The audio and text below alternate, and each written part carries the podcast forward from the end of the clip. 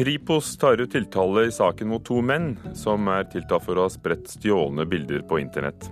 En uforkortet versjon av Shakespeares Hamlet ble årets forestilling på Norsk Teater i går. Og klimaforandringer ødelegger kulturarven. Museene vil hindre råte, alger og borebiller med ny forskning. Dette er blant sakene den neste halvtimen her i Kulturnytt i Nyhetsmorgen i NRK. For første gang går Kripos til sak mot eh, folk som eh, de mener har spredd stjålne bilder på internett. To menn i 20-årene er tiltalt for å ha skaffet seg stjålne fotografier fra bl.a. folks PC-er og nettjenesten Snapchat. Deretter skal de ha spredd dem videre. Tone Helen Einarsen er en av mange kvinner som har opplevd at bildene hennes er blitt spredd ulovlig på nettet. Altså, Jeg personlig syns det var helt grusomt. fordi at jeg var ikke klar over at det hadde skjedd. Ehm, det var bilder som jeg hadde på min egen datamaskin som, som jeg visste at jeg ikke hadde sendt til noen. Ehm, og så plutselig så var de havna på internett. Hun er en av mange unge kvinner som har opplevd at bilder hun har tatt, har blitt stjålet og spredd videre på internett. Så de som for deler, altså, jeg tror ikke de tenker over det at uh, hvordan den personen som er på bildet, egentlig tar det de, det, det er rett og slett æreskrenkelse de holder på med. I oktober i fjor ble bildedelingstjenesten Snapchat utsatt for hacking, og 200 000 bilder kom på avveie. Nå går Kripos for første gang til retten mot folk som har spredd stjålne bilder videre på nett. To menn i 20-årene er tiltalt for å ha oppbevart og spredd bilder fra Snapchat og andre nettsteder. Bildematerialet er omfattende, og mye er av seksuell karakter. Eh, vi valgte i sin tid å aksjonere på denne saken fordi at vi, vi så en utvikling som vi anså som meget uheldig, og som vi ønska å, å, markere at uh, politiet tar på alvor, og som politiet faktisk evner å håndheve. Det sier seksjonsleder for internettrelatert etterforskningsstøtte i Kripos, Thomas Sterk. Det er viktig å sende et signal om at den aktiviteten som, eh, som disse aktørene bedriver, nemlig eh, sammenstilling og eh, eksponering av materiale som aldri var ment for offentligheten, sammen med materiale som som muligens var ment for offentligheten. Eh, og på toppen av det eh, en svært krenkende beskrivelse av de det er snakk om. Det er årsaken til det. Ja, dette er en del av en, en større satsing som politiet har bygd opp over litt tid nå, hvor vi ønsker å være mer til stede på internett, og hvor vi ønsker å gå inn på flere arenaer enn de vi har vært på tidligere. Og, og rett og slett drive ordinær håndheving og ordinær polititjeneste. Snapchat er et program hvor man sender bilder til hverandre som er tilgjengelige opptil ti sekunder før de forsvinner. Men programmet SnapSave gjør det mulig å lagre bildet uten at avsenderen får vite det. SnapSave ble utsatt for hacking i oktober i 2014. Ifølge Kripos kan ikke selve angrepet knyttes til Norge, men så mye som 200 000 bilder kom på avveie. Forsvarer for den ene tiltalte, Kjetil Magnus Berg, sier at hans klient stiller seg uforstående til saken. Han er overrasket over at eh, det er kommet en tiltale i saken. Han mener selv at han ikke har gjort noe ulovlig, men eh, når tiltalen først er kommet, så ser han frem til å, å møte i retten og, og, forklare seg om eh, saken for retten. Det syns jeg virkelig at politiet burde gjøre, gjøre noe med. Det syns jeg de skal ha gjort noe med mye tidligere når det gjelder alle sammen. For det er faktisk ganske seriøst sa Tone Helene Einarsen, og advokat Sverre Næss, som forsvarer den andre tiltalte i saken, sier han ennå ikke har diskutert tiltalebeslutningen med klienten sin. Reporter Eirin Venås Sivertsen.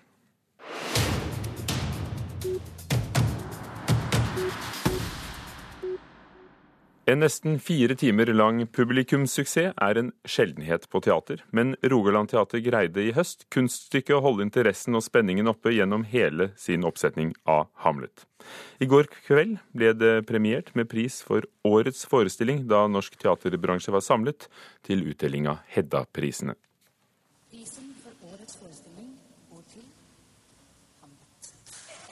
Mens klassiske tekster ofte blir modernisert og presentert på nye måter for nye generasjoner, så ble Rogaland Teater i går premiert for å ha gått tilbake til røttene. Regissør Kjersti Horn kaller det et eksperiment. Det er nok ikke så ofte, egentlig, at den, eh, man spiller den så At man spiller den komplett, da. Men eksperimentet var vellykket. Kritikerne elsket det, publikum elsket det, og Hedda-juryen elsket det. Men at det skulle bli en suksess var ikke gitt på forhånd. Kjersti Horn håper det kan være en lærepenge for Teater-Norge. Å ikke servere oppgulp og lettkjøpt fjas, men faktisk ta sitt medium på alvor. Eh, for det er som du ser her et eh, rom, et alvorlig rom, og en mulighet til å samles om veldig store, viktige eksistensielle spørsmål. Og den muligheten skal man faktisk ta vare på, istedenfor å bare tenke på hva man eventuelt kan tjene penger på. For det er ikke alltid det man tror heller som publikum vil ha og lengter etter. Prisen for beste mannlige hovedrolle gikk også til Rogaland Teater. Torbjørn Eriksen i rollen som nettopp Hamlet. Eh, det føles veldig flott. Torbjørn Eriksen benyttet takketalen til å rette et lite spark mot sin egen bransje, som gjerne er preget av sterke personligheter. Hamlet er resultat av at ensemblet på teateret har jobbet godt og tett sammen. Til NRK utdyper han. Jeg tenker vel at eh, når en, eh, mange har en ambisjon om å kanskje være på topp eh, personlig, altså, så kan det gjerne føre til at mange vil det, og da blir det en del kollisjon. Så for at det skal være en vidsyn forståelse av suksess, så tenker jeg at det er bedre om en tenker mer eh, verdibasert og kollektivt. Også Nationaltheatret fikk to priser for ett stykke. 91 år gamle Espen Skjønberg fikk Hedda-statuett for beste mannlige medspiller i 'Tre søstre' av Anton Tsjekhov.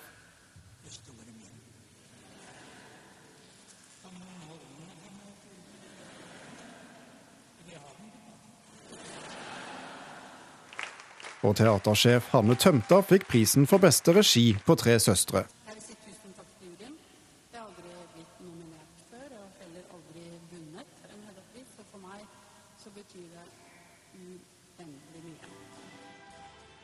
Rollen Alice i sceneversjonen av Agnes Ravatns bok 'Fugletribunalet' på Det Norske Teatret ble tildelt prisen for beste kvinnelige skuespiller.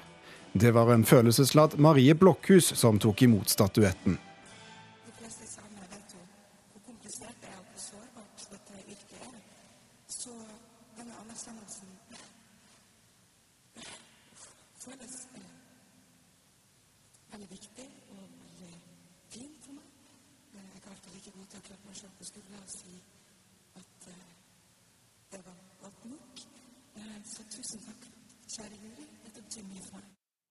Sa Marie Blokhus, som altså ble årets beste kvinnelige skuespiller. Reporter Thomas Alvarstein Ove. Karin Frøsland Nystøyl, NRKs teaterkritiker. Bransjens egne priser er altså Hedda-prisene, og hva betyr de? Personlig så vil nok de prisene altså, som går til enkeltpersoner, alltid bety mye for den som får de. Men jeg vil si eh, som tidligere jurymedlem at eh, for juryen er det ofte viktigst hvem som er nominert. For det er så mange en ønsker å gi en klapp på skuldra og si 'dette var bra jobba'. Så nominasjonslista er nå vel så viktig, men noen, noen må vinne. Det som er som jeg syns er fint med denne prisen her, det er at juryen har reist land og strand rundt, har sett så å si alt som har blitt vist ved norske teaterscener et helt år. Så de har en oversikt som ingen andre i Norge sitter med. Så de veit jo hva de snakker om sånn sett. Så er det jo masse uenighet og sånn innad i en jury, vil det alltid være. Men de har et grunnlag for å vurdere sånn som de gjør. Det strekker seg geografisk, men også i tid. For Espen Skjønberg, ikke bare var han nominert, han fikk også pris. Ja, eller som en av mine kolleger sa det, at man nominerer ikke Espen Skjønberg uten å gi han en pris. Og det viste seg jo å være helt uh, riktig, og det var, det var, hyggelig at Espen Skjønberg fikk den i går. Hamlet ved Rogaland Teater, eh, som vi hørte om. Uh, mm. Det er ikke vanlig å spille det hele. Det første regissører gjør når de tar fatt på Ibsen eller Shakespeare, er jo å, å stryke. Ja, ja, veldig ofte så er det det. At en setter seg ned med manus og så tenker en hvordan kan en eh, gjøre dette aktuelt i dag, og da begynner en gjerne å stryke. Jeg syns Hamlet-prosjektet er så fint nettopp fordi de har sagt at nei, vi skal ikke ta noe vekk bare fordi vi tenker dette forstår vi ikke, eller dette hopper vi over. Vi kjører løpet ut, vi tar med alt. Og det, det som viste seg var jo at det ville jo folk òg ha. Selv om kanskje ikke, som Kjersti Horn sa så klokt her, at det er ikke alltid vi veit hva vi vil ha. Men dette, dette ville vi jo ha. Og på Dramatikkfestivalen i helga så snakka Kjersti Horn og hovedrolleinnehaver Torbjørn Eriksen om denne teksten. Og Eriksen sa det at for han så sto dette fram som, som, en klarhet. Når de satte opp hele Shakespeare, når de lot hans språk få plass, så ble teksten mye klarere enn om, om man skulle kutte og, og, gjøre det moderne språklig eller hva som helst. Det er noe eget når et verk forstår for seg sjøl sånn. Bør flere teatre tørre å være gammeldagse og ikke moderne? Man bør alltid våge seg på å gå imot strømmen. Det er vel det jeg vil si som et utgangspunkt. Du nevnte Torbjørn Eriksen, som altså ble beste mannlige skuespiller. Han spilte Hamlet. Og så hørte vi Marie Blokhus, eh, som eh, spilte i Fugletribunalet Alice. Har de noe felles? Ja, De har jo spilt Hamlet begge to i løpet av det siste året, da, og jeg syns vel at eh, Blokhus godt kunne fått prisen for Hamlet-tolkninga si òg, for den syns jeg var, var, veldig god. Eh, det som kjennetegner de begge to, det er, mm, sånn som jeg ser det, en grundighet faglig, og at de går inn i prosjektene de blir tildelt med et alvor, og, og, og de gir seg ikke før de har kommet til bunns i det de lurer, seg, lurer på med de karakterene og de rollene de blir satt til å spille. Så jeg, jeg kjenner de fra scenen som, som grundige skuespillere som, som, gjør en veldig god rolle når de setter, får sjansen. Som tidligere jurymedlem, har årets jury gått glipp av noe? Ja, selvfølgelig har de det. Eh, jeg vil eh, trekke fram Vi tygger på tidens knokler i regi av Jonas Corell Petersen ved Nationaltheatret, som var det var vel nesten årets forestilling for meg i fjor. En, en, langvarig forestilling med fire menn på scenen som endte opp med å bade i gjørme. Eh, en forestilling som handla om det å være menneske, som, som tok opp all, all eksistensiell problematikk eh, og, og vrei, vrei og vente på det, og lot Åke i salen få være med. Den skulle ha blitt satt større pris på. Var teateråret Var dette et godt bilde av teateråret? Hedda-prisene? Ja, jeg syns det speiler fint med, med hvordan klassikerne har blitt løfta fram, men òg at de har trukket inn Verdensteatret og gitt de pris. At Barneteatret ikke minst har fått fem fantastiske nominasjoner. Så, så det er et, en grei speiling, ja. Det er jo det. Takk, Karin Frøsland Nystøyl kvart over åtte akkurat du hører på Nyhetsmorgen i NRK. Overskriften i dag bruken av glattceller i Norge er skadelig og må endres. Det sier presidenten i den europeiske torturovervåkingskomiteen. Det reises tvil om hvorvidt mannen bak angrepet på Statoil-anlegget i Algerie i 2013 er drept likevel. Flere steder i landet er det nå vanskelig for pedagoger å få jobb i barnehage.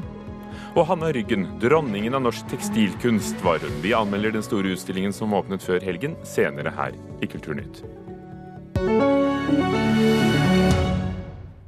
What's coming with it.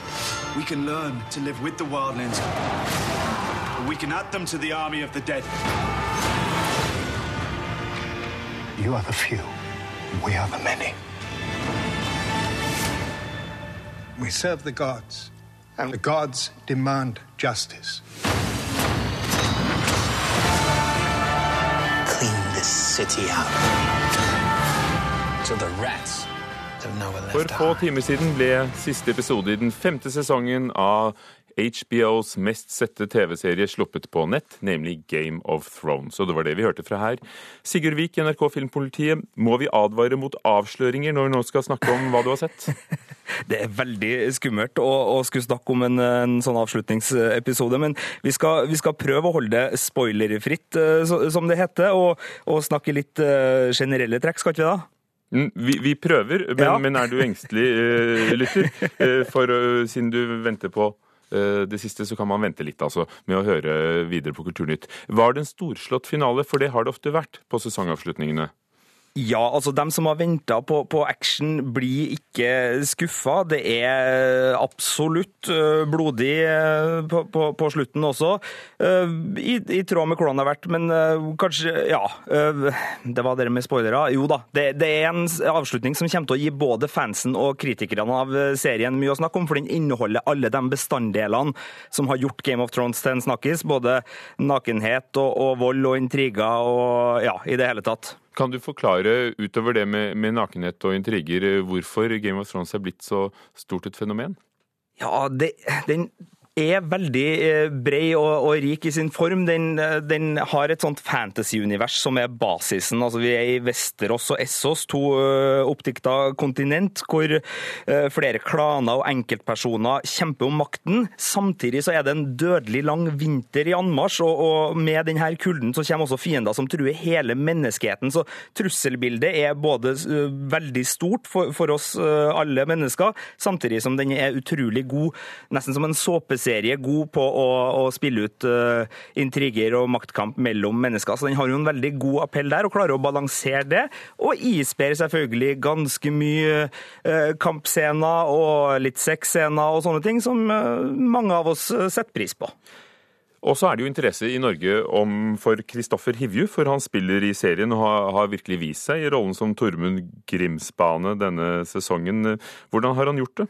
Du, Det var en episode for noen episoder siden som uh, var en av seriens dyreste og mest spektakulære, og der uh, fikk Kristoffer Hivjus karakter karakter, eller figur, absolutt spille ut. Jeg syns han gjorde en knakende fin innsats der. Han har ikke store problemer med å framstå som troverdig og kul som en gigantisk svær, kalde vikingaktig type med pels og svært skjegg og, og i det hele tatt, så han kler denne rollen og serien veldig godt. Hvis du ser nå sesong fem under ett, hvordan har det vært? Og hvilken retning tar eh, denne, denne sagaen? Nei, den, den, har vært litt roligere kanskje i tempoet enn uh, en de tidligere sesongene. Det har vært mer fokus på, på, figurutvikling, det har vært vennskap, det har vært en del sånne ting. Samtidig så, så har den utvida uh, scopen ganske bra nå. Nå ser vi, begynner vi å se fiendene som truer menneskeheten, og den liksom spenner ut hva som kan være redninga og hva som kan være undergangen. Så det, det er en serie som, en, en sesong som både har, har gjort oss bedre kjent med, med, en del av de figurene. Nå skal det jo sies at i tradisjonen tro, det er ikke alle som overlever denne sesongen heller. Det har jo vært en serie som har vært uh, glad i å ta livet av de vi har blitt glad i, men, men mange er igjen, og, og, dem har vi blitt bedre kjent med. Så en, en serie, en, den har åpna opp, og i tillegg så er det jo interessant for bøkene har jo vært en inspirasjon uh, som serien har fulgt ganske tydelig, men nå begynner serien å ta igjen bøkene og begynner å, å male med egen pensel, og vi ser jo at det også både terger og behager bokfansen. Så en spennende sesong. Det høres jo herlig gammeldags ut å gå i denne litt mer dramatiske retningen. Ja, ikke sant? Det er jo det absolutt. Eh, eh, det er ikke fritt for at her spiller man på, på de klassiske litterære grepene, og lykkes for så vidt ganske godt med det også. Så det er ikke sånn at de som er glad i, i god litteratur, blir, blir lei seg når de følger det her. Takk skal du ha, Sigurd Vik fra NRK Filmpolitiet, som også har sett siste episode i, i, serie fem av Game of Thrones, som altså blir sluppet på, på internett for noen få timer siden. Hanna Ryggen, en virkelig størrelse i norsk kunst, og i sommer er arbeidene hennes, nemlig Vever, utstilt på, i hovedutstillingen på Nasjonalgalleriet i Oslo. Den åpnet før helgen. Kunstkritiker Mona Palle Bjerke, la oss begynne der. Hanna Ryggen, hvem er hun? Jo, hun er jo dronningen av norsk tekstilkunst. En en stor vever. Og som, det som er så fantastisk, er at hun har jo hånd med hele prosessen. I, hun, helt fra den kardede ullen til plantefargingen, sankingen av uh, disse plantene som skal brukes, til fargeprosessen, til selve vevingen. Og det er jo dette at hun kombinerer denne fantastiske, fargerike, formsterke motivverden med da dette sterke, flammende samfunnsengasjementet. Så disse vevnadene hennes er jo også virkelig krasse samfunnskommentarer. Og det er ikke vanlig at det er eh, vev Nasjonalmuseet setter på dagsordenen i sine spesialutstillinger. De gjør de altså i sommer på Nasjonalgalleriet i Oslo. Hva får vi se? Ja, vi, vi vandrer da gjennom Hanna Ryggens mektige kunstnerskap, helt fra hennes da et av de tidligste arbeidene hennes som heter 'Synderinnen', fra helt på begynnelsen av 1920-tallet, som er ganske ornamentalt med sånne border omkring, er nesten sånn baldisol protestteppeaktig, sånn middelaldersk, eh, til da hennes siste protestteppe, som heter eh, 'Blod i gresset', og som tematiserer Vietnamkrigen. Hvor vi ser Linton B. Johnson fremstilt som en litt sånn enfoldig cowboy med hund. Så vi ser liksom hele dette spennet fra starten, hvor det er litt sånn bibelsk og ornamentalt, til disse rene protestkommentarene. Da. Og hvordan utviklet hun dette samfunnsengasjementet? Ja, hun sympatiserte jo veldig sterkt med den radikale venstresiden, Hanna Ryggen. Og vi ser i utstillingen har de laget et slags sånn kapell som en kjerne i utstillingen med disse venstresideheltene, som f.eks. Lise Lotte Herman, en motstandskjemper eh, mot Nazi-Tyskland, en kommunist og småbarnsmor. Og hun er da fremstilt som om hun var liksom Maria med barnet. Og det er en måte som Hanna Ryggen da formidler sin egen opplevelse av Lise-Lotte Hermans uskyld, da, fordi at det er jomfru Maria. Og sånn bruker hun ofte det symbolspråket i kunsthistorien. F.eks. når hun i et annet teppe fremstiller Adolf Hitler, så har han da eikeløv ut av anus. Og det er da egentlig et seierssymbol, eikeløvet, ikke sant? og et standhaftighets- og styrkesymbol, som her forvandles til noe latterliggjørende. Samtidig som det å fremheve bakenden ofte er symbol for ondskap. Da. Det er ofte kanskje attributter som hale eller sånn, som knytter seg til djevelen eller andre onde aktører i kunsthistorien. Så, og Når du nevner alle disse referansene, betyr det at for å virkelig ha glede av symbolikken i bildene, så bør vi ha med oss en kunsthistoriker som deg for å forstå det? Eller, eller klarer Nasjonalmuseet å, å, gi oss den informasjonen? Det klarer de, og dessuten så trenger man ikke det i det hele tatt for å nyte disse arbeidene, for dette er en så sterk sanselig glede å gå gjennom denne utstillingen. Både det rent formmessige, hun er en mester både i å skape helhet, samtidig som detaljene er så fortellende, og hun da det er jo derfor den heter Verden i veven, fordi hun hele tiden forholder seg til aktualiteter i tiden, som den spanske borgerkrigen, som andre verdenskrig og som Vietnamkrigen. Og så er det ett bilde, en vevnad, som det var mye snakk om, nemlig 'Vi lever på en stjerne'. For det ble bestilt av arkitekt Erling Viksjø til eh, Høyblokken i regjeringskvartalet og ble skadet under terrorangrepet i, i juli 2011. Det er med i utstillingen. Hvor godt har de klart å bokstavelig talt lappe det sammen? Jeg syns de har gjort det veldig fint, fordi at det er en, nesten usynlig i den forstand at det ikke forstyrrer den flotte helheten. Samtidig er det et tydelig arr i teppet, og det bør det være, for dette er jo også et teppe som har fått en tilleggsdimensjon. Det bærer det arret som vi alle bærer i vår sjel etter den grusomme hendelsen. Og Hanna Ryggen, som den venstresideforkjemperen og eh, som hadde sin kamp mot fascismen hele livet, hun er jo blitt bildet på alt det som er det motsatte av det den eh, terroristen representerer. Så det overlevde? Faktisk. Det virkelig, og med fikk en tilleggsdimensjon. Vi hører at du er begeistret for Hanna Ryggen og utstillingen. Hva er det som gjør henne så viktig. Så viktig at de viser henne frem på denne måten. Det er jo fordi hun er en fantastisk kunstner, altså rent sånn formmessig, koloristisk og på alle måter. Men også det at hun har denne dobbeltheten av dette samfunnsengasjementet som er nedfelt i dette langsomme mediet. Dette er at hun sitter fremoverlent, leser avisene, og så nedfeller hun det i vev.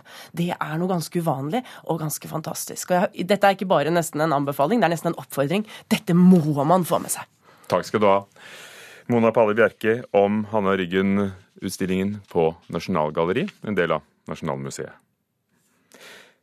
Norske museer søker nå Kulturrådet om penger til å forske på tiltak mot klimaødeleggelser som rammer kulturarv. Verneverdige hus og gjenstander spises opp av borebiller og ødelegges av algevekst, svartsopp og råte. Denne nedbrytningen øker fordi klimaet blir fuktigere, og museene ønsker å finne ut hvordan de kan møte klimatrusselen. Tilsynelatende er det ren idyll på Limagården i Gjesdal på en av de ytterst få tørre soldagene på Vestlandet denne våren. Men studerer man museumsgården litt nærmere, er bildet mer sammensatt. Du ser alt det svarte, og spesielt på gavlen her eh, begynner det å gå grønske, og malingen eh, blir gradvis svartere og svartere. Du ser alle disse små svarte prikkene i, i malingen. Hans Dybwad Olesen fra Jærmuseet snakker om soppen på det hvitmalte hovedhuset. Det, det kaller vi svart sopp. Den er i seg selv ikke farlig, men altså, det er litt trist når man har brukt mye tid på å male et hus, og så tre år etter så ser det sånn ut. Dette er et eksempel på det som nå blir karakterisert som et stadig økende problem i Museums-Norge. Endringene til et mer fuktig klima. Men svartsoppen er jo ikke det eneste problemet. Stripet bodybilde. Det er altså en, en bille som spiser treverk. Og dette er et gammelt problem. Men vi ser jo med, med, med klimaforandringene at det blir verre og verre. For, Dette med bilen også? Ja, for borebilen den trives i vått og varmt klima. Så jo våtere, varmere og villere det blir, jo mer sånn angrep får vi.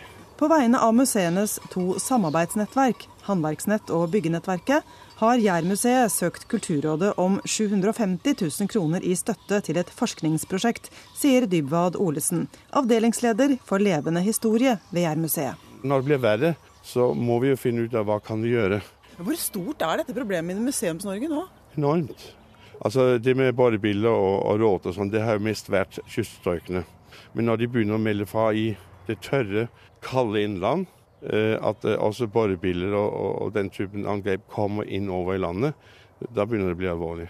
Man har konstatert problemet, men, men det har aldri vært noen samlet, eh, noen helhetlig forskning rundt dette. Jeg kan også vise deg her inne i løa her. kan jeg vise deg noe. Det er, du ser opp på den stolpen der alt er hvite.